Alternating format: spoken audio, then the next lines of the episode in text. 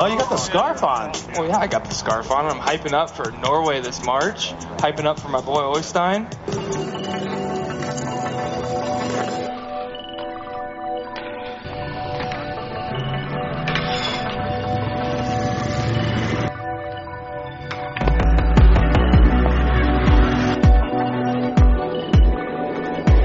Nei, første runde så prøvde jeg på det samme som i andre runde.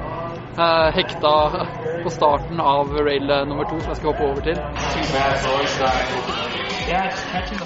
Veldig skuffa etter det, men eh, hadde gode, gode folk rundt meg på toppen som roa meg ned og ja, klarte å samle tankene og lande, lande i run nummer to.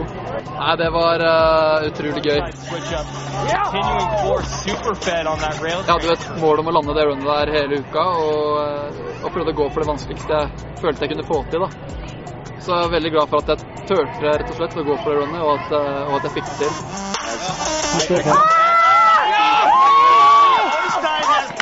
The second, ABS the third, and off the podium in fourth. Had to be the rails. Super technical up top, doing some of the hardest rails we've seen so far today. What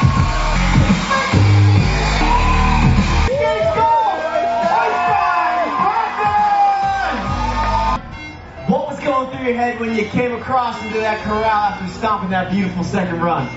I was so nervous before that run, and then when I landed it, I got so stoked. It was crazy. It feels like a wild dream. I'm so stoked right now. For meg betyr det veldig mye. Det er en drøm jeg har hatt eh, utrolig lenge. Så eh, det betyr nok mer enn uh, hva jeg klarer å skjønne akkurat nå. Men eh, nei, det er stort. Det kommer til å henge opp den her på hylla, og den skal nok henge der for alltid.